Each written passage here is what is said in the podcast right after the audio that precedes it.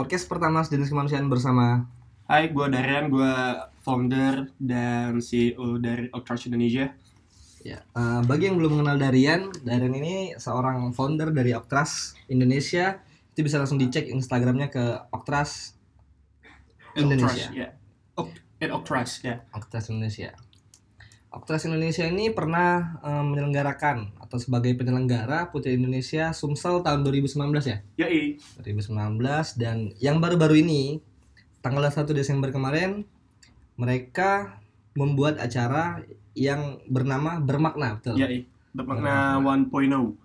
bermakna yang edisi pertama jadi eh, kita mau sedikit ngulik nih tentang Oktras apa sih itu Oktras dan apa sih visi misi Oktras dan bagaimana cara Oktras bekerja langsung dengan Darian ya Yang mana dulu nih? Oke, kita kita ulik dulu Oktrasnya ya? eh, Oktrasnya sih, Oktrasnya. Oke, Octrush ini sih eh, sejenis creative lab ya, bisa dibilang kolektif. Eh, sekumpulan orang yang hobi ngedesain, membuat seni-seni yang membuat dampak tertentu sih. Tujuannya seni itu dibuat apa sih? Kurang lebih gitu sih. Oh, jadi bergerak di bidang kreatif ya. Ya bisa dibilang bergerak di bidang kreatif lah, kurang lebih. Oke, Oktras ini eh coba dijabarkan sedikit mengenai visinya dan misinya Oktras. Apa sih? Kenapa harus ada kenapa harus ada Oktras dan kenapa harus di bidang kreatif seperti itu?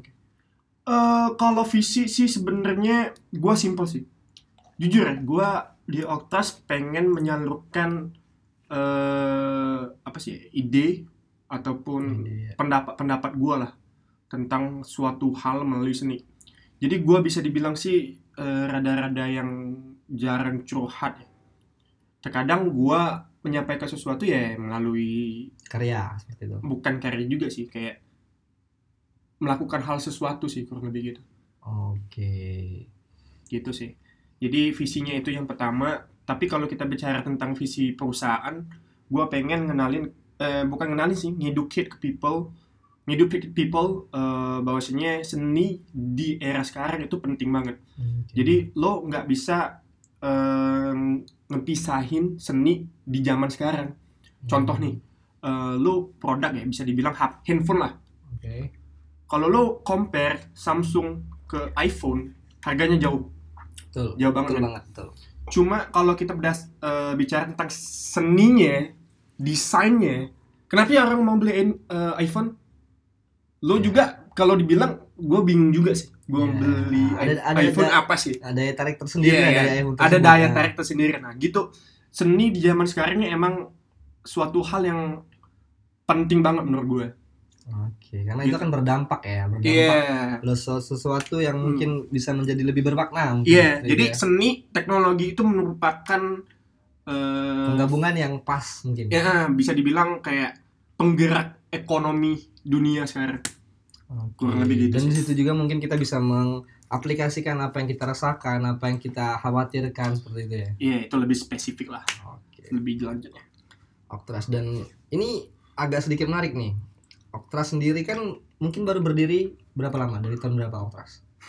Kalau gua dirinya Octras itu sebenarnya udah lama sih, udah tahun 2015 dah. Bisa dibilang, 2015 Oktras berdiri, tapi Ah. event pertamanya langsung ke Putri Indonesia di tahun 2019. betul? Ah, tapi aktifnya itu di tahun 2019. 2019. Berarti 2015 mungkin masih konsep-konsep seperti itu. Ya, enggak enggak. Gue 2019 udah mencoba untuk berusaha berbisnis, tapi gagal gagal gagal. Dalam hal gagalnya bukan yang gue udah open, tapi gagal enggak. Tapi di prosesnya gue gagal. Oke. Jadi bisa bisa diibaratkan 2015 itu Oktras udah berproses untuk berkarya dan 2019 eh, Karyanya muncul. Karyanya muncul yang kurang lebih berupa. Putri Indonesia Putri Sumsel Indonesia Sumsel. 2019. Oke.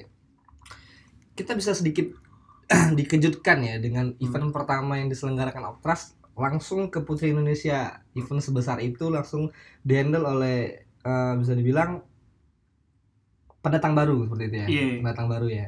gue juga nggak pernah ikutan pageant. Gue nggak tahu sama sekali tentang pageant. Ya gitu sih bisa dibilang orang bu- orang bukan pendatang baru ya pendatang baru ya. Eh, bukan pendatang baru juga sih. Orang asing lah bisa orang dibilang. asing ya. Orang asing di dunia mereka ya. Kalau Hmm. menurut gua pageant ada dunia sendiri sih. Oke di balik di balik itu nih di balik berdirinya Oktras dan menyelenggarakan Putri Indonesia tahun 2019 dan juga bermakna yang baru-baru ini cukup sukses mungkin. Siapa sih sebenarnya Darian?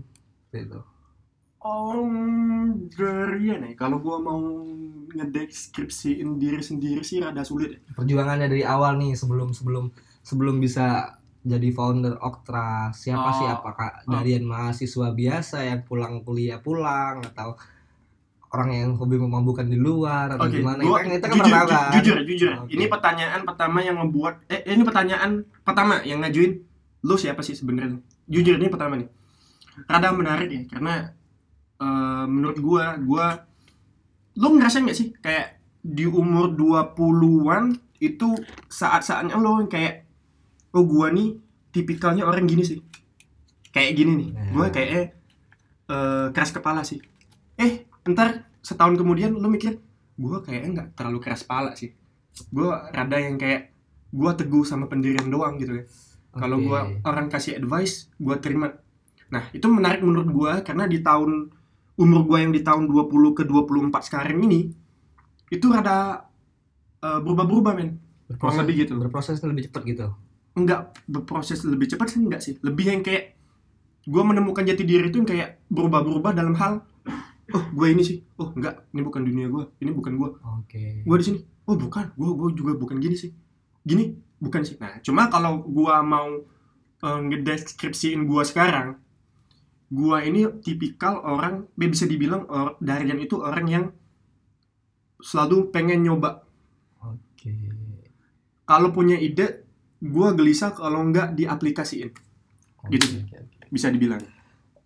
Jadi berprosesnya panjang ya berproses berprosesnya panjang. Kalau simpelnya sih gitu sih. Kalau kita eh, mau narik korelasinya antara Darian itu siapa sih sama pekerjaan gue sekarang itu sih. Oke. Tapi kan kalau pribadi sedikit kompleks lah kurang lebih gitu. Jadi itu ya kurang lebih gambaran siapa sih founder Oktras sebenarnya gitu. Yoi. Ini ini sedikit relate sama quotes yang pernah saya tulis itu tentang sinkronisasi jiwa. Hmm. Ah, banyak orang banyak orang ini yang yang kebingungan mungkin ya. Hmm. dan saya juga salah satunya tuh. Fase-fase umur 20-an sampai ke 24 tahun itu kayak kita ngerjain ini salah gitu. Terus kayak udah ngerjain terlalu nyaman dan kayak wah ini kayaknya nggak seru nih gitu-gitu aja gitu ya. Yang serunya gini lo kayak apa ya oh nih gue mau ngelakuin hal yang baik nih. Gue contoh ya contoh ya. Contoh ini bukan contoh pribadi juga contoh contoh secara random aja nih. Oh gue mau nolong dia sih. Oh cara nolong dia mungkin kayak gini kayak gini gini ya. Kan Iya. cuma di saat perjalanan lo kayak ngerasa gue mau nolong dia cuma kayak gue rada sial mulu gini gini gini gini jadi dalam hal lo yang berpikir bahwasanya oh gue ini orang baik nih. Gue untuk nolong dia aja gue bikin plan gitu kan oke. Cuman di tengah jalan saat lo ini gue mau nolong dia cuma gue yang sial gue yang kayak apa sih rada nggak ada untungnya gue yang malah dapat musibah segala macem. Buat apa sih gue nolong nolong gitu dia gitu kan. Oke. Jadi hal-hal yang gitulah yang membuat kita yang kayak gue ini orang baik bukan ya? Oke oke terkadang hal-hal yang itu yang membuat kita yang kayak ah masa bodoh dah. Gue nggak mau dah gitu gituin lagi. Padahal dianya niatnya baik deh betul betul betul cuma prosesnya yang ngebuat dia yang kayak nih orang niat nggak sih nolong lo?" gitu kan. Oke oke. Lu pernah kan ketemu yang gitu-gituan kan? Ya ketemu dan ngalamin saya pernah tuh. Itu tuh. Jadi kalau masalah deskripsi orang itu yang menurut gua itu tadi tuh rada sedikit kompleks dan kayak enggak enggak mantep sih menurut gua. Oke. Kalau gue pribadi ya untuk umur 24 sekarang belum tentu tang, eh, umur gua 26 apalagi saat gua nikah mungkin nih di momen itu gue kayak oke gua gini orangnya. Gitu sih. Jadi di 24 tahun ini sudah berproses dan sudah berani mengambil tanggung jawab sebagai ketua penyelenggara Putri Indonesia. Terus juga menjadi ketua juga di bermakna itu menurut saya prestasi yang lumayan ya. Karena 24 tahun itu kan terbilang umur yang masih cukup muda ya.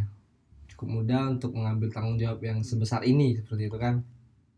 Terus gimana tadi kemarin eh, acara bermakna yang baru kemarin selesai dibahas, dibahas Hmm. maksudnya diselenggarakan itu gimana tuh Berla- berjalan dengan lancar kah atau ada problem-problem yang Hmm. mungkin mem- membuat jadi wah gue kayaknya banyak belajar dari sini gitu. Eh, menarik nih. Kalau lancar ya, alhamdulillah eh, eventnya yang kayak eh, rundown tepat waktu. Eh bentar bentar bentar, bentar. kita bahas dulu. Apa sih bermakna kemarin yang baru diselenggarakan biar biar yang denger Oh, juga nggak nggak nggak nggak ngawang-ngawang Oke. kan bayanginnya apa dan bintang tamunya siapa, konsepnya Eh, gimana oke. gitu. Bermakna itu salah satu event pertama sih yang ada di Palembang ya. Event Hmm. yang gua maduin antara eh, seni, pameran seni, talk show dan juga konser. Oke. Cuma yang gua tekankan di sini bukan di konsernya. Jadi yang kayak dari durasi eventnya itu yang paling banyak gua eh, apa sih aplikasiin ke pengunjung itu pameran seni sama talk show-nya. Jadi kayak talk show itu berlangsung dua jam, Ya. pameran seni dari awal buka sampai tutup. Cuma konser satu jam doang. Oke. Saya Gitu sempat lihat tuh ada kayak namanya art Art installation. ya? installation ya. Art installation campaign itu kayak pameran seni instalasi. Mungkin pameran seni instalasi kita emang yang kayak ya cuma pakai apa sih kain doang atau Hmm, origami segala macem. Cuma Itu yang ya, buat yang buat beda daripada konser-konser yang lain mungkin di situ ya di ya bisa itu ya? dibilang sih, bisa dibilang sih. Tapi ya nggak gua gua jujur gua nggak terlalu puas sih sebenarnya ya. Oke. karena gua bis ngerasa gua bisa lebih maksimal dari itu ya. Harusnya ya. Mm, seharusnya ya. Cuma sebenarnya ya, itu itu itu itu sifat yang bagus tuh Hmm. karena setiap kita berkarya dan Hmm. Uh, punya hasil Hmm. punya hasil dan wah kayaknya ini masih ada yang kurang nih mm, itu akan akan menunjang kita untuk next event atau Hmm. next next next uh, acara itu akan lebih bagus lagi lebih better lagi daripada yang kemarin kalau kita udah justru Hmm. kalau kita puas dengan hasil yang kita tunjukkan Hmm. saat itu kita nggak akan berkembang menurut saya ya menurut saya setuju sih, personal ya. setuju sih, setuju sih. Dan terus gimana tuh kelancarannya dan problem-problem yang dihadapi Hmm. di umur 24 Oh iya, tahun? eh, gestar kita Raisa coy. Raisa ya, Raisa ya. gua- Itu iya. kelas kelas Raisa. nasional tuh udah tuh Raisa. tuh. Raisa. Siapa sih nggak tahu Raisa kan? Raisa kalau di Palembang sih udah empat tahunan lebih sih, nggak datang ke sini. nggak datang-datang. Dan Oktas kemarin undang dia Iya, ke Oktas yang pertama kali lagi setelah empat tahun, lima tahun nggak pernah manggung gig lagi di Palembang, Oke. gitu sih. Nah, kalau yang pertanyaan tadi ya, lancar atau enggak? Lancar sih. kalau dari rundown, terus tepat waktu, selesai juga tepat waktu, nggak ada problem sama sekali. Hubungan gue sama pihak eh, venue juga baik banget, polisi juga baik banget. Keamanan lancar ya. ya sama vendor juga bahkan gue sama vendor mau kayak garap eh, project yang lainnya alhamdulillah juga venue juga gitu juga polisi juga gitu jadi menurut gue kalau proses berlangsungnya acara menurut gue sih 100% lah gue juga terima kasih sama tim-tim yang ikut terlibat yang kayak ngabisin waktu siang pagi malam untuk Merancangkan nyuksesin acara. ya Dan hasilnya? hasilnya alhamdulillah ya menurut gue yang kayak eh, nggak tahu ya. Orang bilang ke gue bagus cuma kita nggak tahu nih di belakangnya Oke, gimana oke, gitu kan. oke. mungkin menghibur gue atau gimana ya gue nggak tahu juga. Cuma kalau gue pribadi jujur eh, kayak panggung lighting art installationnya kayak talk show-nya pengunjung segala macem gue ngerasa yang kayak gue bisa berusaha lebih sih dari sana. Kayak wah men ini kayaknya gue belum puas banget nih bagian di sini nih. Oke. seharusnya gini gini gini. Oh seharusnya gini gini gini. Dan juga ekspektasi ekspektasi kadang wah kayak ini bagus sih. Eh cuma sewaktu pengaplikasian oh men ini kayak kurang banget nih. Nggak nggak terlalu bagus gitu. Oke. jadi menurut gue yang kayak wah gue seharusnya lebih bagus dari ini gitu sih kalau menurut gue Iya. pribadi itu Gitu sih. itu memang rasanya harus kita kita punya sih. Hmm. Kita harus ngerasa kita harusnya bisa lebih dan Hmm. bisa better lagi daripada ini. cuma gue gue rada rada bingung juga sih gue orangnya yang nggak pernah nggak pernah puas bro jujur terkadang gue ngelukis aja ya gue ngelukis bapak bapak bapak gue bandingin nih sama foto sebenarnya mirip Ya. bahkan gue tunjukin nih sama teman gue gue inget kemarin gue ngambarin eh, artis G. Oke. selebgram lah bisa dibilang gitu kan. Gue gambar mukanya rada mirip gitu kan. Gue tunjukin nih sama temen gue dia langsung ngeh. Karena dia suka sama selebgram itu Oke. sama doi itu kan. Jadi sewaktu gue tunjukin dia langsung nge dia langsung ketawa. Itu berarti mengidentifikasi bahwasanya eh, mirip nih Iya, gitu kan. hasil- dia langsung mengenal mengenali kan. Oke, oke. cuma gua terhadap lukisan gua juga itu kayak anjing kok gini sih gua harusnya gini gini gini lebih bagus sih gua gini gini gini terus kalau dibanding sama orang anjay ini keren banget nih gini gini Oke. ya nah gua nggak tahu kenapa dari dulu tuh gitu terkadang banyak orang juga bilang ngerasa nggak selalu puas gitu ada negatifnya juga sih Ya. Kalau gue pernah nulis tuh soal soal eh, hasil kesalahan Hmm. berproses itu quotes-nya itu kalau nggak salah bunyinya baiknya menerima segala salah Hmm, dengan itu kau bisa bertumbuh. oke Jadi menurut saya sih kesalahan terus hasil yang tidak memuaskan itu malah menumbuhkan tuh Hmm, untuk berproses lebih lanjut lebih lanjut lebih lanjut lagi. setuju sih setuju sih Oke ya. Dan eh, oke dari Darian yang bisa dibilang kita ini masih generasi Y ya, generasi Y ya sekarang ini ya, milenial ya. Iya. Iya kan? milenial Gimana sih eh, dengan Darian yang 24 tahun udah berkarya ke mana-mana, maksudnya ke mana-mana udah nge- ngelakukan beberapa hal. Dan ada teman-teman juga mungkin yang di umur 24 tahun masih kebingungan nih, Hmm, masih kebingungan. Eh, kuliah belum kelar misalkan atau udah kelar tapi juga kayak kerja di sini nggak nyaman, kerja di sini nggak nyaman dan bingung. Hmm. Gimana sih sudut pandang yang menurut Darian nih? Kayaknya lu mesti ngelakuin ini deh. Ah, oke. Agar lu bisa sedikit lebih bermakna hidup Ah. lu nggak cuman kerja cari duit terus nikah terus mati nggak kayak gitu Hmm. aja tuh kayak gimana tuh cuma gua note ya bagi yang denger jujur gua 24 meskipun gua jadi yang kayak ketua ketua Yayasan Putri Indonesia Sumsel pemegang license sempat termuda coy kemarin oh, Se Indonesia. ya 24 tahun sih. Eh, kemarin 23 Dut- oh 23. oke oke oke. kan Februari ini gua jadi termuda dan satu-satunya yang muda di tahun 2019 ya karena termuda tadi sepanjang sejarah juga terus juga eh, se Indonesia itu masuk penyelenggara eh, tiga terbaik se Indonesia tiga terbaik se Indonesia Putri Indonesia kemarin. Cuma gua note ke pen- pendengarnya, jujur kalau lo kenal gua yang kayak dekat sama gua, kayak lu bakal nilai kayak, oh ini Darren belum apa-apa sih, oke gitu sih. oke Jujur lu, ya gitu sih. Jadi ekspektasi jangan terlalu tinggi sama gua, oke gitu. Lo harus kenal dulu gua, jadi kayak gua belum ada apa-apa sih. Boleh tanya teman-teman gua yang kayak Darren banyak negatifnya sih, gitu. sebenarnya itu bagian dari proses sih ya Iya. ya nggak mungkin juga kan tiba-tiba nih orang muncul dengan public, Iya. public- eh, figur yang sangat memukau sempurna dan segala Iya. macam itu kan nggak mungkin pasti ada beberapa kesalahan yang mungkin menjadi menjadi kritik dari mereka tapi masukan terhadap diri sendiri kan pastinya yang back to question tadi apa sih questionnya? Lupa gue. pandangan nih pandangan eh, Oh, pandangan iya. sebagai generasi Y atau Hmm. milenial untuk orang-orang yang masih kebingungan dengan jati dirinya Jadi di Octars ini gue ada punya dua wakil CEO coy. oke sih oh. Ya, yang pertama itu namanya Kak Imam. Itu Oke. udah tua bang tu, tua maksud gua bukan tua tua banget. berumur lebih enaknya enggak, enggak, enggak. apa tuh Jarak umurnya dengan kita Oh, itu jauh oke, gitu. oke, oke, oke. Jauh banget. Satunya lagi itu seumuran sama Hmm. kita-kita ya. Itu namanya Agus. Agus itu belum lulus coy. lulus kuliah belum belum lulus kuliah Oke. sangkatan sama gua cuma pemikiran dia eh, kalau gua bandingin sama orang yang udah punya ijazah segala macem sama aja coy bisa bersaing jadi Nah, gua juga ija eh, ijazah gua udah, udah ambil transkrip nilai gua belum gua ambil ambil sampai sekarang Oke, masih di kampus. Oke, oke, oke. jadi menurut gue eh, lo kalau lo mikirin gini sih eh, singkatnya gini nih kalau lo pengen bekerja di kantoran ya udah lo bagusin IPK lo siapin diri lo di kampus Oke. lo ikut organisasi lo ke perpus lo baca segala yang gini segala yang gini segala yang gini lo sukses coy di kantor lo bakal diterima karena teman gue yang kayak eh, aktif di organisasi sering ke, ke perpus tugas segala macem dia sukses di kantoran Oke. cuma kalau lo kayak mau mengembangkan minat lo bakat lo segala macem kayak passion lah bahasa Passion, ya. bahasa akhirnya orang Ah. sekarang kan ya lo enggak harus yang kayak kuliah itu penting sih menurut gue terkadang Oke.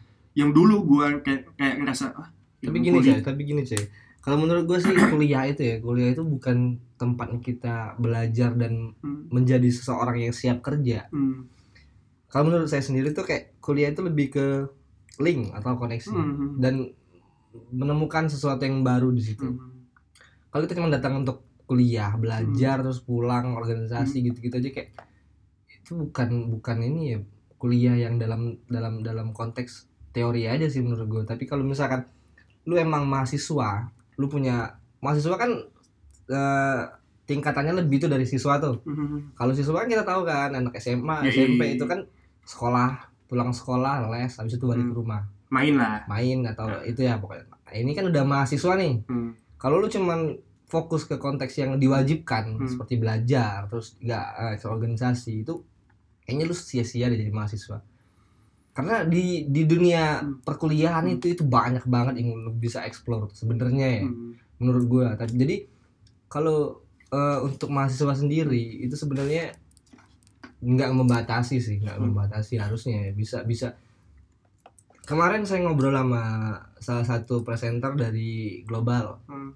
dia itu lulusan dari teknik komputer Hmm. dan sekarang dia dia hidup di bidang eh, entertainment ya? entertain kan Iya. penyiar. Tapi Iya. main jobnya dia sebagai trainer di salah satu perusahaan. Dan itu juga jauh konteksnya dari pendidikan yang dia tempuh. Oh jadi di sini tuh kuliah kadang-kadang nih kadang-kadang orang masuk salah satu jurusan itu cuma karena peluang. Iya. Percaya nggak? Bisa juga karena sih. gini Cuma- eh, orang tua biasanya pengen anaknya dapat kerja yang mapan yang Hmm. ibaratnya udah bisa ngenopang hidup dia ke depan kan Hmm. berarti lu harus masuk kuliah ke tempat atau ke jurusan yang peluangnya banyak sedangkan tuh si anak sendiri tuh mau nggak tuh kuliah di situ gitu kan Hmm. dan padahal misalkan dia dia lebih ke komunikasi orangnya tapi karena peluang sebagai IT adalah yang terbaik di zaman Iya, sekarang zaman sekarang ya orang paling bilang dibutuhin sih lu ke IT aja lah udah karena peluangnya lebih bagus Hmm. Alhasil apa? Saat dia udah kelar Hmm.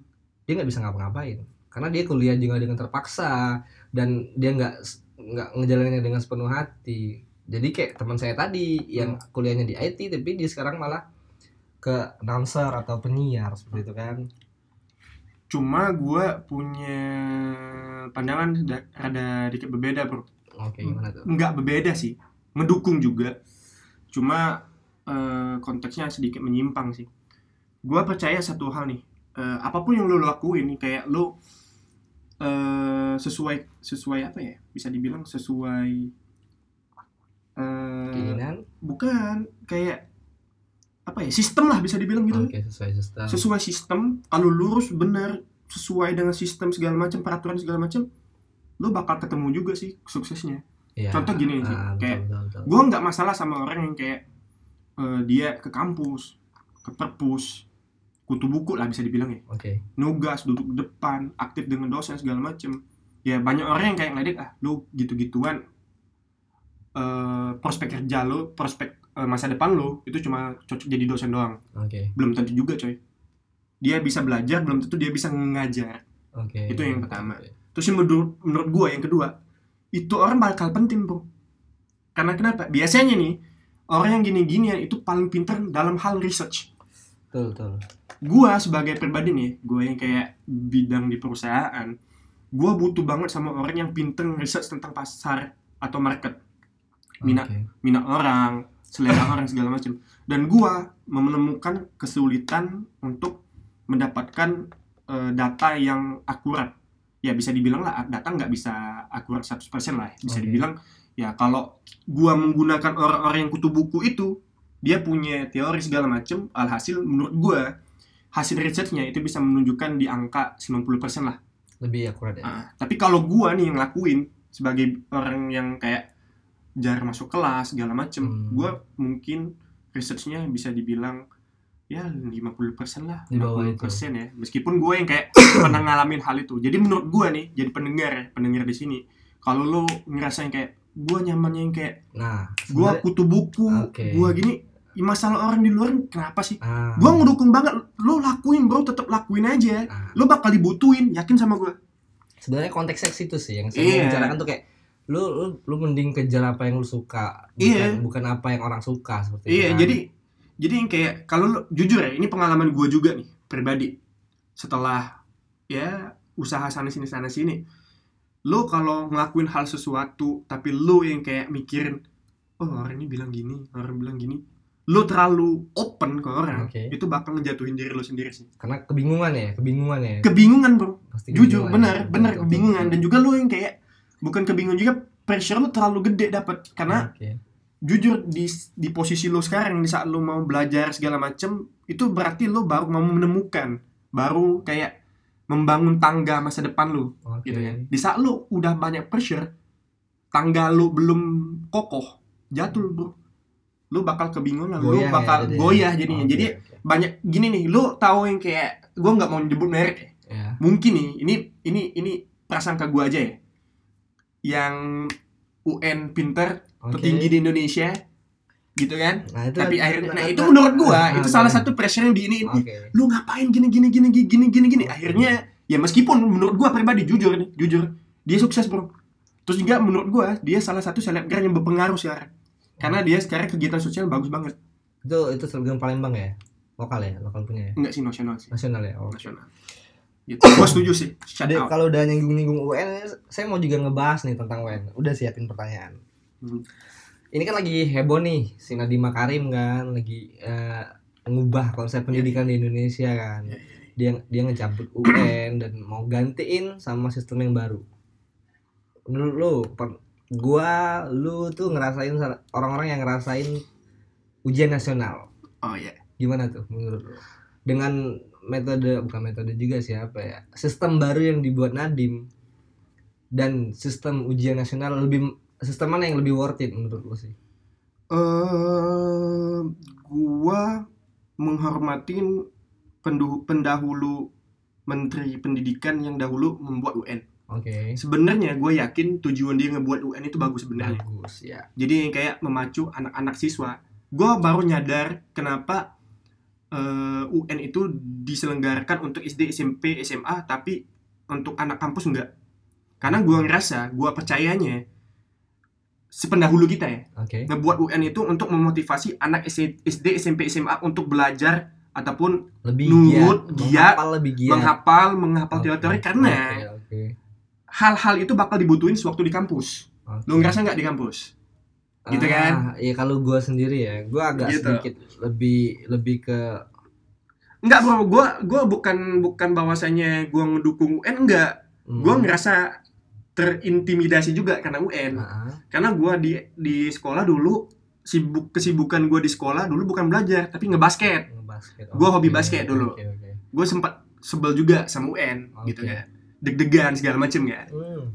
gitu cuma gue yakin kayak gue waktu kuliah kemarin karena gini bro gue sewaktu lulus lulus lulus SMA gue punya mimpi dari dulu dari kecil dari gue SD gue pengen kuliah di luar negeri Oke. gue pengen dulu kuliah di luar negeri terkendala terkendala gue itu yang pertama kali di bahasa Inggris karena eh, IELTS gue cuma menyentuh angka 5.0 sedangkan eh, syaratnya itu 5,5 Oke. terus yang kedua eh ya duit sih duit sih sebenarnya Ah, oke. cuma dari situ gua ngerasa yang kayak kalau gua belajar lebih giat sih sebenarnya ketutup tuh 5,5 betul. sebenarnya Ah, gitu kan kayak teman gua yang kayak dia rajin les segala macam 5,5 mah dapet. kecil Ah, gitu kan dapet, Nah, dapet. jadi gua setelah dari situ gua ngerasa kayak ini sebenarnya ada tujuan yang mulia juga Coba, sebenarnya tapi lu ngebayangin dengan hal yang salah sebenarnya lu Gitu. ngebayangin nggak dengan visi misi lu waktu Hmm. itu pengen kuliah di luar Hmm. negeri yang Hmm. harusnya punya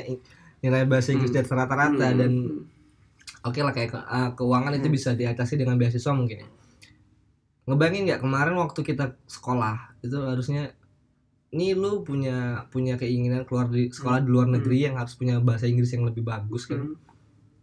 Lebih dioptimalkan Hmm. dibandingkan lu harus ngapal semua pelajaran Hmm. dan alhasil lu sendiri kebingungan Hmm. itu kan Hmm. maksud gue gitu kayak kenapa kenapa gue kurang setuju dengan UN yang zaman dahulu itu karena semua disamaratakan Ya, gua nggak Nah. setuju di situ sih. itu kita kayak jadi di, di, di- kita diseragamkan Iya. padahal kita ini Indonesia beragam kan Iya. kita bukan seragam kita beragam orang-orang punya punya passionnya bukan passion punya kelebihannya masing-masing Masing-masing, iya. punya kekurangannya masing-masing dan itu nggak bisa ditembak rata kan Bener. sedangkan ujian nasional itu Seluruhnya rata. Lu harus, pintar harus harus sama fisika, kimia segala Iya, macam. apalagi yang di daerah kan lebih Hmm. lebih kayak keterbatasannya banyak banget tuh Gitu kan. mm, gua cuma gini coy gua percaya yang kayak kalau lu eh, ngerasa UN itu berat otomatis lu termotivasi untuk belajar bikin soal baca buku segala macam kan Betul. nah gua du- jujur gua waktu abis lulus yang dulu kuliah di luar negeri gua udah keterima Hmm. gua udah dapat yang namanya LOA kalau pendengar yang di sini pernah ngeplay ke luar negeri pasti tahu tuh LOA itu apa letters of Ac- Ac- acceptance jadi kalau lu punya udah LOA itu udah lu udah keterima Cuma Oke. gua jadi LOA itu ada dua jenis, coy. Ada yang conditional sama unconditional. Kalau unconditional lu tinggal berangkat bayar udah Oke. kuliah lu. Oke. Tapi kalau lu dapat conditional itu harus ada satu persyaratan yang harus lu Penuhin. submit lah bisa dibilang lu penuhin. Nah, gua itu eh, dapatnya conditional dalam artian gua belum submit nilai gua yang 5,5 IELTS tadi yang bahasa Ah, Inggris tadi. oke, oke. Nah, gue punya temen yang kuliah di luar negeri. Nah, dia bilang sistem di luar negeri itu nggak sama memang sama Indonesia, yang kayak Oke. lo disamaratain seluruh pelajaran. Enggak, dia lebih spesifik. Lo minatnya di mana sih? heeh. Spesifiknya kayak jurus bukan jurusan juga ya, kayak misalkan nih, kalau ekonomi kan banyak nih, Oke. marketing, keuangan segala macam. Marketing ya. pun banyak cabangnya, Ya, gitu kan, betul. advertising segala macam ya.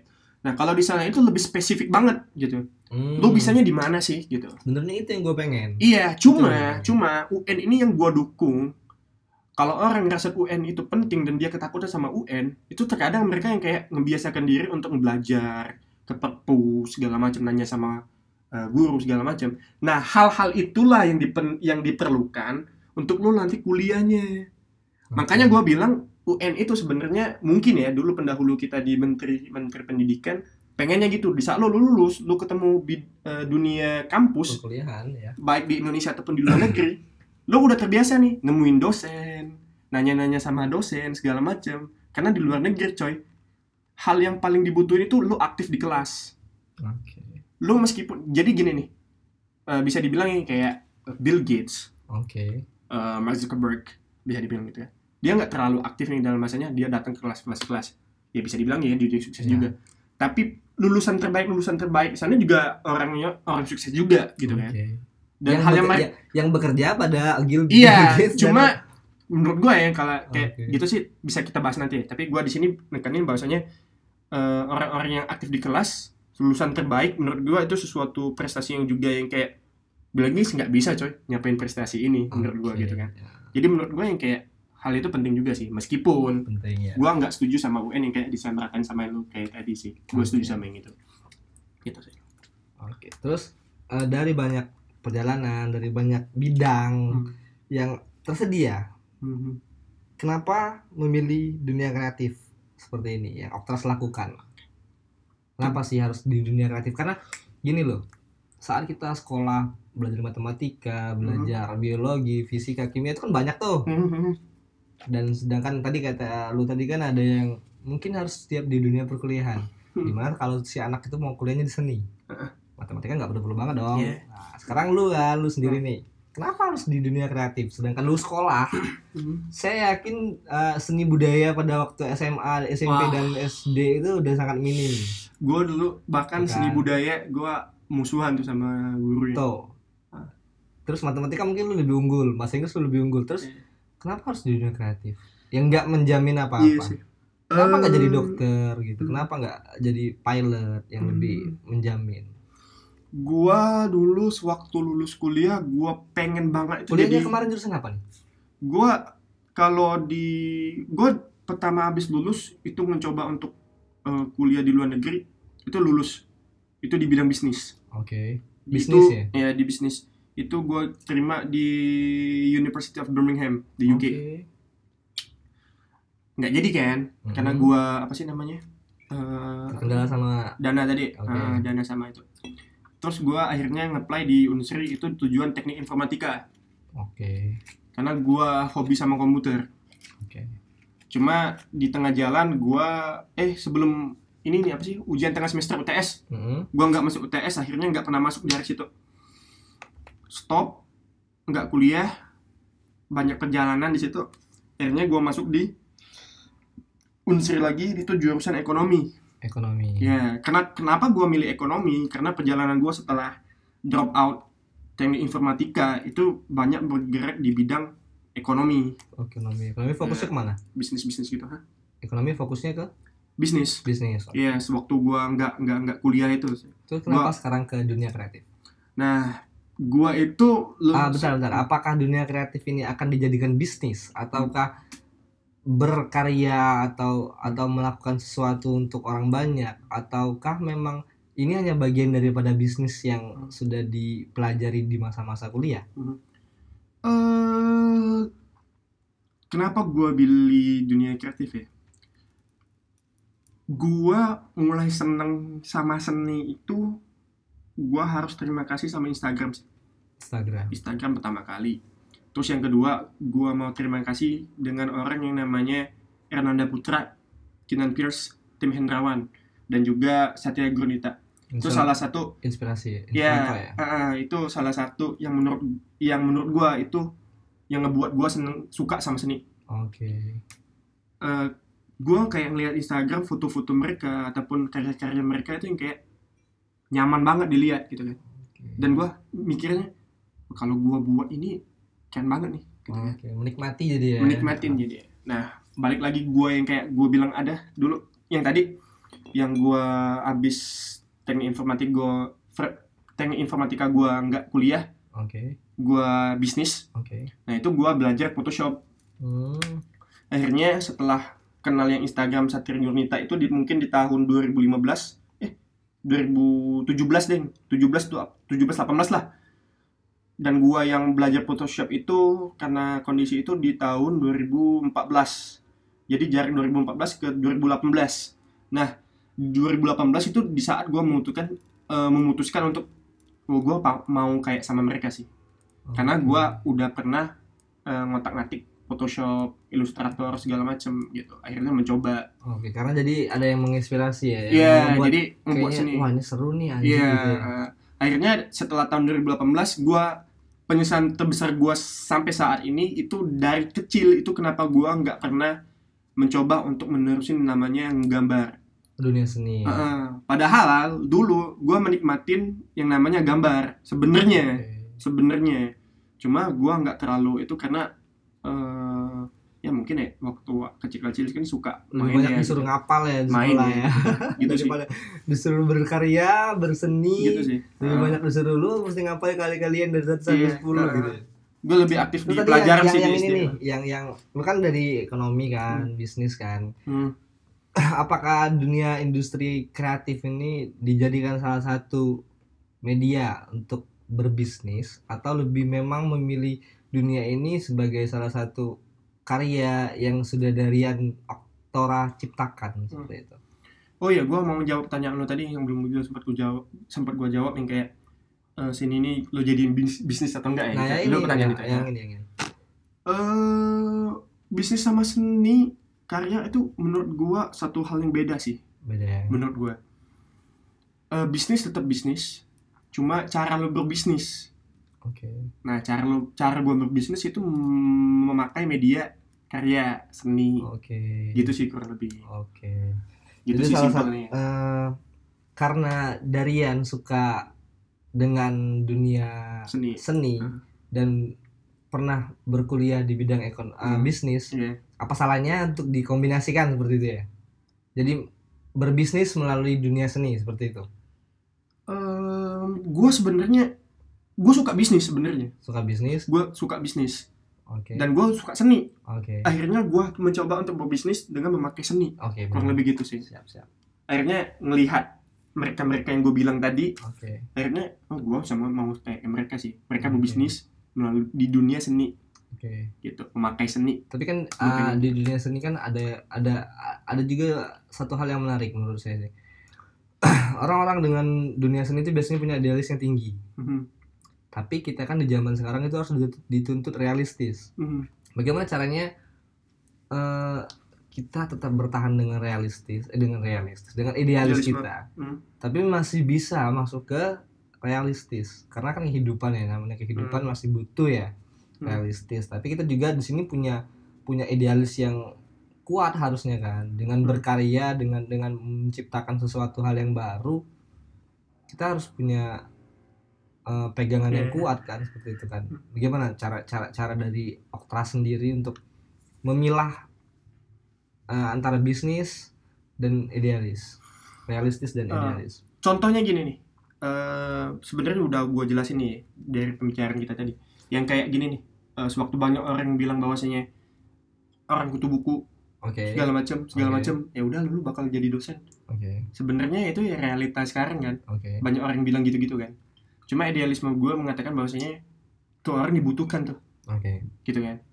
Nah menurut gue yang kayak gue tipikal yang orang kayak ya udah deh kalau realitanya sekarang ya udah gitu kan. Cuma gue mempunyai idealisme gue sendiri gitu.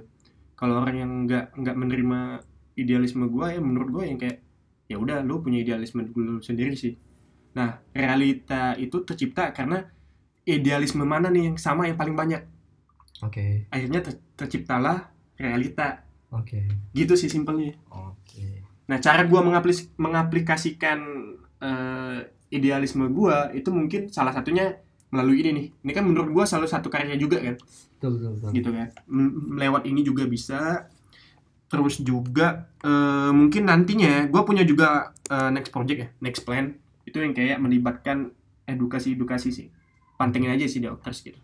Oke. Itu semacam itu semacam baru- beasiswa sih. Ah, oke. Baru juga gue mau tanya nih selanjutnya. Hmm. Planning ke depannya Okras dan eh, mungkin masih banyak hal yang mau dilakukan oleh Darian seorang Iya. dari Oktorat itu mungkin masih banyak hal yang akan dilakukan. Yang terdekat di 2020 nih. a- Ada planning apa nih Oke. Okras? Kau, ah, ini bisa gua bilang gak ya? Kira-kira ya. Ah, Sedikit gua- bocoran ya, bisa lah. lah, bisa lah. Oke. bisa lah siapa sih oh ya ini aja sih eh gua ada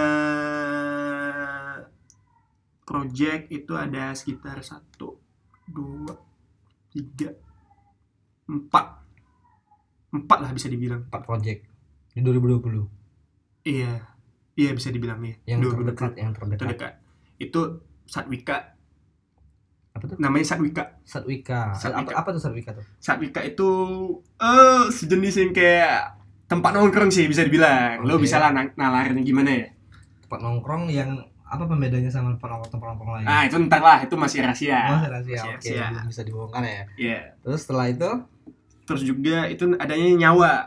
nyawa. Oh, menarik. Nah nyawa ini sama sekali belum bisa gua publikasi sama sekali, karena sangat sangat rahasia. oh konsepnya ma- ya. konsepnya masih rahasia banget ya. Iya masih rahasia banget itu adanya nyawa. Berarti ke depan Oktras akan ada empat planning yang akan Iya, dilakukan di uh. 2020. Iya. Terus yang ketiga itu ada eh, Putri Indonesia lagi. Oh, Putri Indonesia yang di 2020 ya? Iya. Itu eh, Bapak sendiri yang akan handle. Enggak, kebetulan gua nggak nggak mau jadi pemegang license lagi sih. Tapi Oke. gua tetap jadi ketua pelaksana. Oke. Gitu. Terus yang keempat itu eh, ini bisa gua lah, bisa bisa dibilang gua bisa gua, gua reveal gua mau buka clothing sih. Clothing, oke. Iya. Nah, ini menarik. Nah, ada satu pertanyaan dari saya nih. Kok bisa seorang pendatang baru Oktras Hmm. langsung handle Putri Indonesia yang yang kelas nasional eventnya bisa dikatakan kelas nasional dan kalau misalkan seorang Darian atau Oktras menghandle di 2019 dan akan berterus ke 2020 berarti sukses dong di 2019 berarti dianggap orang eh, tiga besar tadi ya yang terbaik ya Iya. apa sih yang menjadi kunci dari Oktras sendiri bisa langsung handle event sebesar Putri Indonesia Simple nih. Lu kalau nggak nyoba lu nggak bakal tahu. oke Jujur, itu pengalaman gua. Lu nggak nyoba, lu bakal nggak lu nggak bakal tahu. Jadi gini, ju- jujur gua di Putri Indonesia di tahun 2019 kar- kemarin itu gua ditawarin itu di bulan Desember. Di bulan ini? Desember. Ya, tepat tahun lalu. oke gua berangkat ke Jakarta ke kantornya Yayasan Putri Indonesia itu di tanggal 25 persis hari ini ini tanggal 25 kan ya ya 20. tanggal 25 persis. Gua berangkat ke Jakarta tanggal 25 untuk Putri Indonesia. Ngem- eh, ngambil lisensinya Lisensi, izinnya. Izinnya. izinnya. Gua pulang ke Palembang itu tanggal 27 gue ingat banget. Nah gua itu ditugaskan untuk menyelenggarakan Putri Indonesia itu itu di tanggal 2 Februari. Bayangin dana nggak ada, konsep nggak ada, tim nggak ada, segala macam nggak ada dan gua harus menyelenggarain itu acara segede itu, setenar itu di tanggal 2 Februari. 2 Februari mendapatkan tanggung jawab dengan eh, acara yang di tanggal berapa tuh Tanggal 2 Februari.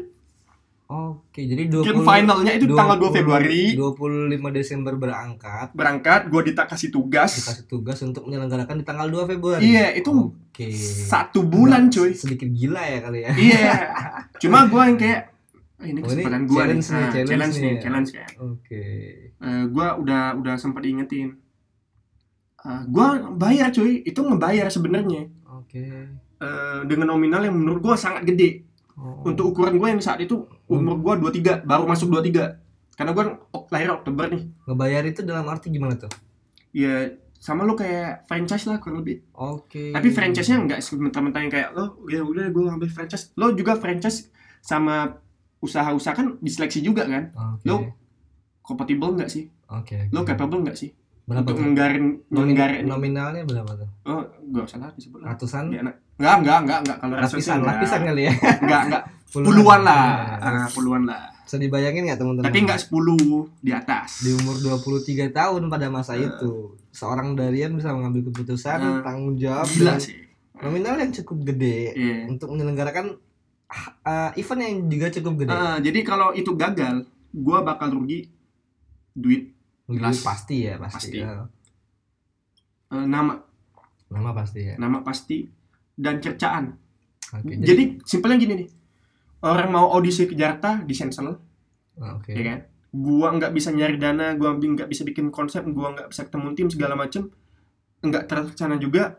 Gua bakal kayak para orang-orang yang mau jadi putri Indonesia Sumsel bakal nanya nih, anjing gua nih mau gimana sih gitu kan? Jadi bakal jadi bahan cercaan gitu kan? pastinya. ya. Gitu. Tapi berhubung berani Iya. mengambil keputusan, mengambil tanggung jawab dan semuanya berjalan dengan lancar Iya, dan bahkan lancar 2020 akan diserahkan kepada Bapak juga kan? Iya, gitu. Jadi yang kayak jadi dua eh, alhamdulillah 2019 kemarin salah satu dapat yang gua bilang tadi penghargaan itu Tiga terbaik ya. ha. Dana juga sponsor lumayan banyak. Sponsor lumayan. Banyak banget bahkan bisa dibilang. Jadi orang yang bakal datang tuh kebanyakan anjing lu beneran sponsornya gini-gini gini gitu kan. Oke, oke. Gitu sih. Jadi kalau lo nggak pernah nyoba ya lo nggak bakal tahu coy. Tuh, lu lu Gitu. teman-teman mesti dengerin ini. Hmm. Karena apa? Seorang Darian di umur 23 tahun berani mengambil keputusan tanggung yang sangat besar. Tapi berdampak juga hal besar untuk dia sendiri. Nah, bisa dibayangkan nggak waktu itu kalau misalkan Darian menolak menolak event Hmm. ini, menolak tanggung jawab ini, akan jadi apa dia sekarang? Ini Iya. kita nggak pernah tahu kan? Iya. Kemungkinan banyak Ya, karena karena keputusan dan lu nggak bakal tahu kalau nggak Hmm. nyobain gitu kan. Itu menjadi satu hal yang baru dan hal yang besar untuk Darian sendiri. Nah, gitu cuma kan. kalau gue sebenarnya bikin statement bahwasanya lu nggak bak kalau lu nggak nggak pernah nyoba lu nggak bakal tahu. ya, bener. betul betul. Statement itu bener banget. Setuju Ya, banget gue. bener-bener. Cuma statement itu liar coy. Betul. Nah, justru Liar. situ, justru menarik- Liar. menariknya di situ dan mena- menjadi salah Liar. satu challenge untuk kita juga di situ. Iya Nah, liar. Kenapa gue bilang liar? Karena gini nih. Eh di saat lo nekat. Ya. Ya banyak orang bilang kalau gue nggak pernah nyoba gue bakal tahu nih. Nah, betul. Tapi lo nekat.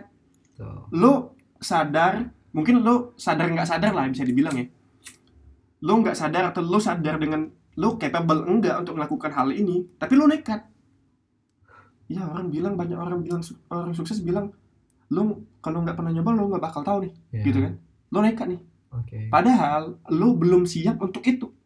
Akhirnya lo yang belum siap akhirnya lo bakal down karena hasilnya nggak sesuai ekspektasi lo Oke, berarti di situ harus ada sisi juga lu harus menyiapkan diri ya iya sebelum mengambil tanggung jawab Iya. yang besar ya.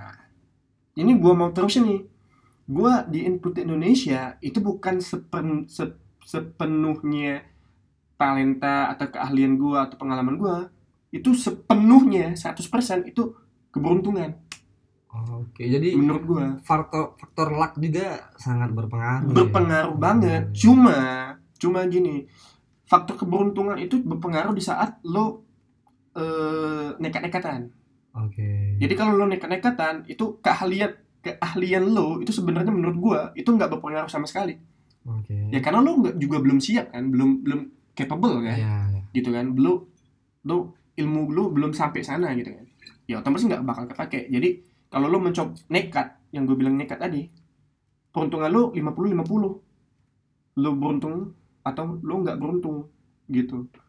Kebet- kebetulan gue di Putri Indonesia itu gue beruntung. Kurang lebihnya dan, gitu. dan pastinya ada kerja keras di situ ya. iya beruntungnya ada dua. Beruntungnya sponsor masuk gitu kan. Iya. dananya masuk.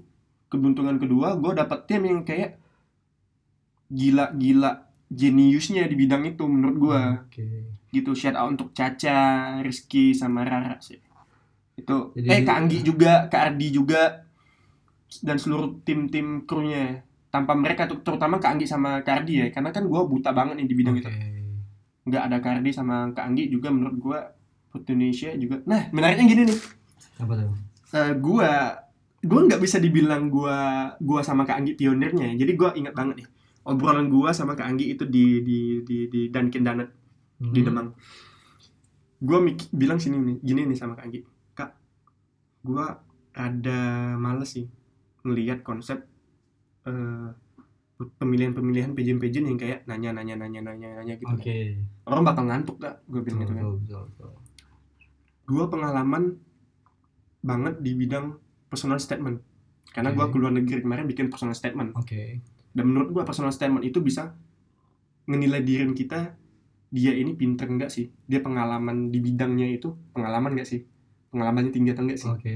jadi lebih mengulas orang itu bisa lebih dalam melalui beberapa kalimat Oke.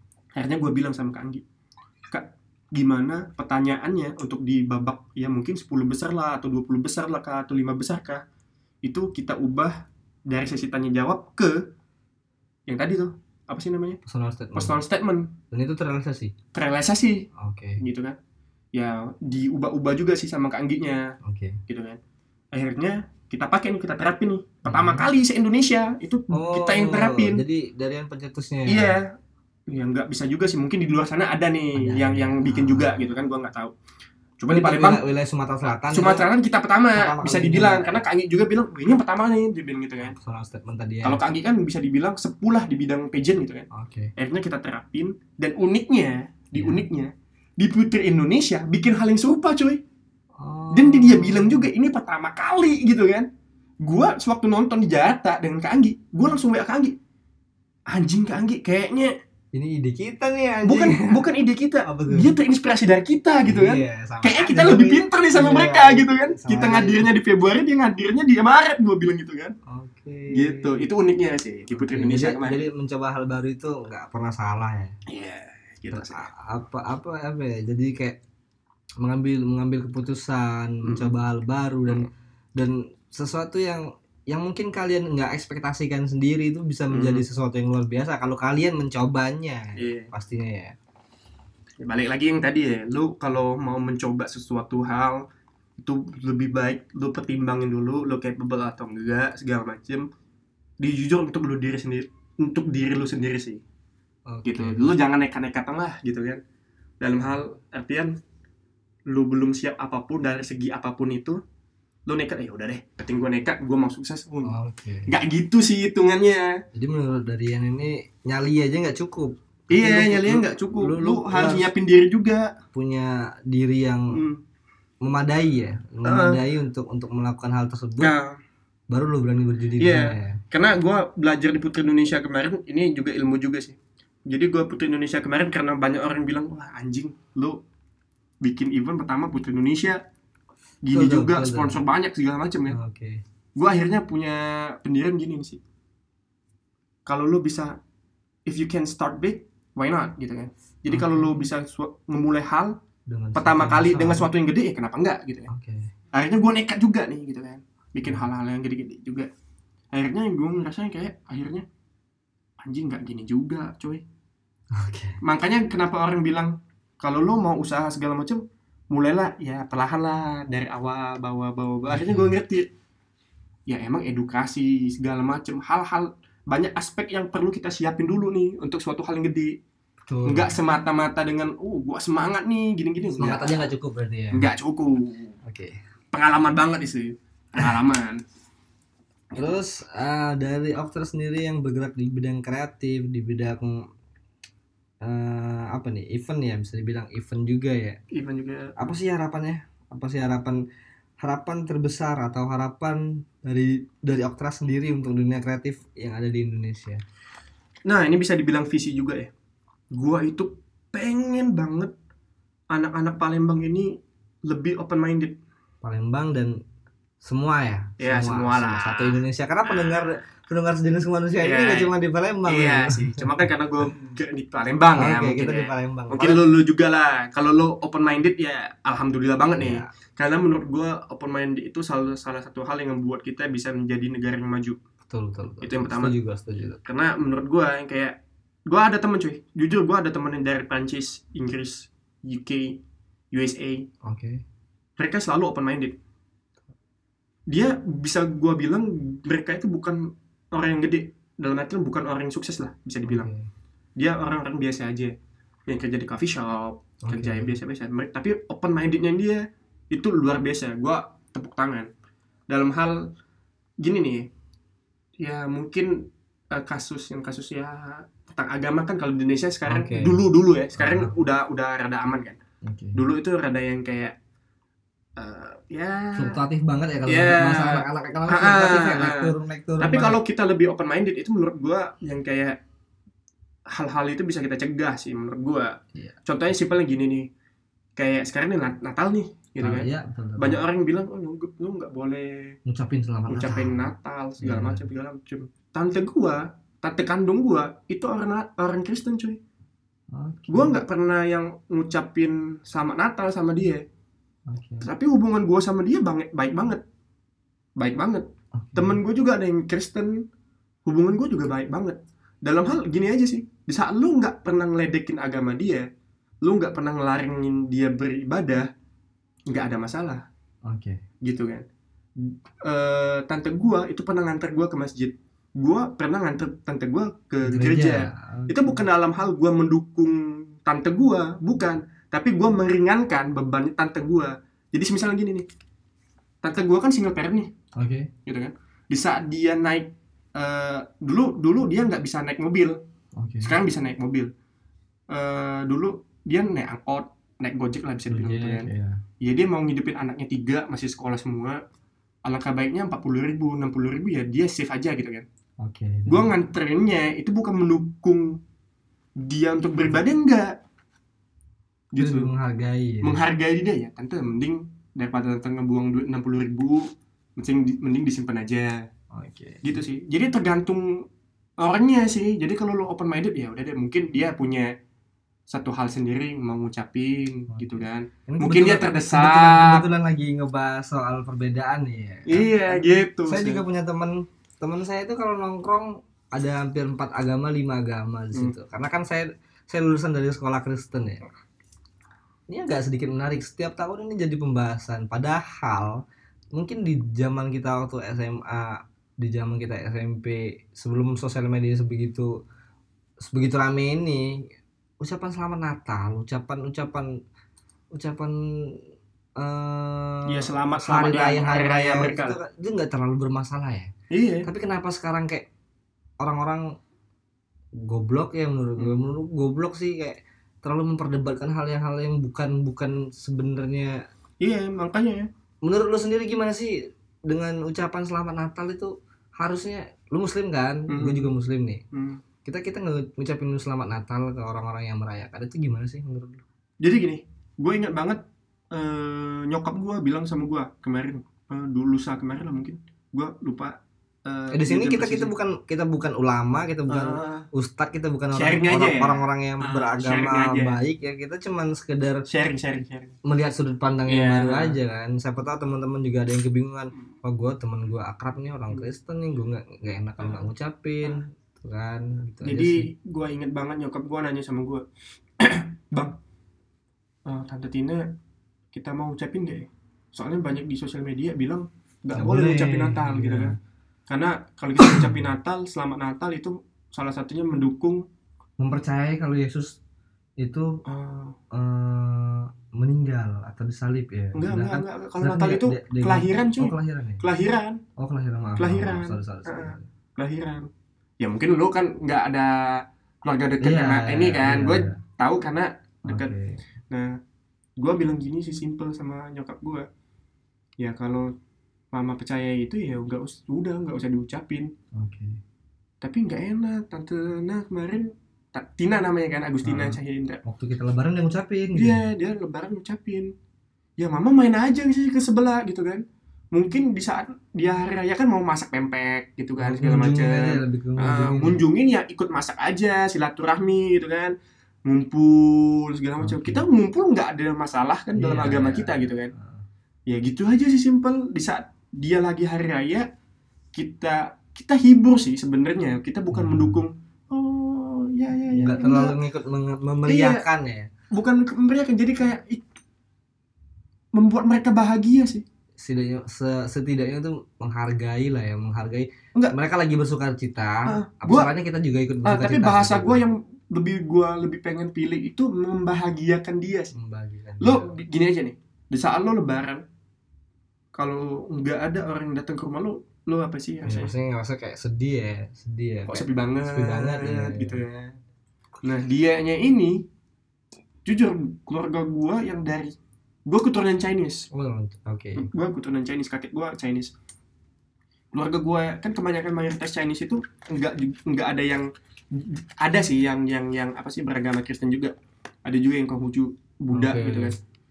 Cuma Chinese ini ada Chi- eh, gua nggak rasis ya ini gua mendeskripsikan keluarga gua Nah, keluarga sendiri ya Iya, teman-teman keluarga ya? gua sendiri.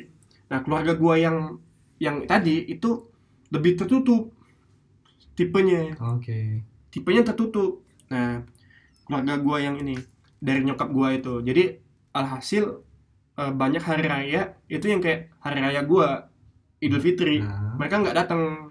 oke Nah, yang punya keluarga gua yang kayak kayak suka visit dan datang ke rumah itu ya tante gua ini, tante Tina Oke. ini.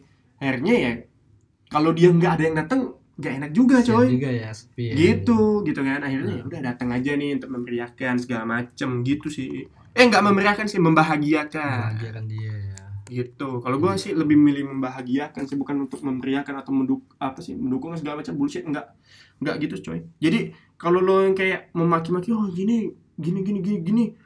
Coba mereka bilang syahadat mau nggak? Nggak Ya, mau nggak gitu-gitu kan? juga ya. Nggak gitu juga. Itu lebih ke pemahaman pengertian segala macem Oke. coy kalau ya kita nggak tahu nih orang ini ngedateng orang yang ngucapin alasan mereka tuh apa sih? Ya betul. Gitu sih. Jadi menurut gua sih ya kalau soal kepercayaan. Nggak usah diusik lah gitu kan? eh, kepercayaan dan dan keyakinan itu menurut gue personal sih. iya lo nggak usah masuk ranah sana Kalau lu memang nggak mau eh, menyatakan langsung Hmm. eh, mereka Natal atau kita Lebaran, gitu kan? Ya mending ya udah gitu ya udah. Lo kalau nggak mengingat- usah pu- nggak kalau- pusing lah. kalau lo mau ngingetin ya ngingetin aja di sosial media lo tapi lo nggak jangan pernah yang kayak lo nggak harus gini langsung ke Hmm. orangnya itu menurut gua udah masuk ke ranah kepercayaan karena mengucapkan atau segala macam itu salah satu kepercayaan Ya. menurut gua lo ngucapin Natal kepercayaan lo lo dukung Natal atau enggak Enggak. gitu kan Iya. itu kan salah satu kepercayaan kan lebih Intinya, gitu. intinya lu, lu lu bebas mau melakukan apa aja ya dan sih udah itu tapi bebas sih jangan sampai lu mengoreksi orang-orang yang punya imannya jadi Iya. maksudnya lu muslim lu nggak mesti ngoreksi mereka lu Mm. nggak mesti ngomongin mereka salah lu bener sama agama juga nggak boleh usah nggak usah nggak perlu nggak perlu lu lu cukup sama pendirian lu iman lu dan dan kepercayaan lu mas sendiri lah ya teman gue yang alim pernah bilang tugas kita sebagai muslim itu bukan mengoreksi tapi hanya mengingatkan betul siap dan juga mengingatkan itu juga harus ada Oke. uh, tata caranya Oke. lo nggak bisa kayak lo orang salah lo harus julak lo tabuk segala macam nggak boleh gitu juga Oke. lo hanya bro nggak boleh kalau mereka nggak nerima ya udah jangan lo ceramahin Oke. Tapi- bakal ribut tapi kalau gue kalau gue pribadi sih gue lebih nggak nggak akan pernah eh, mencampuri personal orang iya. Eh, karena menurut gue agama itu bukan sesuatu hal yang harus diumbar dan bukan sesuatu yang harus diusik. Tapi- terserah lu mau ngomong apa. Kalau soal kepercayaan Hmm. sudah banyak di YouTube di Hmm. mana pun ada lo banyak percaya. informasi dan dan pelajari sendiri lu siap- silakan pel- pelajari sendiri dan dan nggak perlu lagi Hmm. lu ngingetin orang-orang oke? Jadi itu aja obrolan dari sejenis kemanusiaan bersama Darian Oktora. Iya, iya. Sampai jumpa di next podcast berikutnya sama bintang tamu bintang tamu yang lain. Terima kasih. Selamat malam.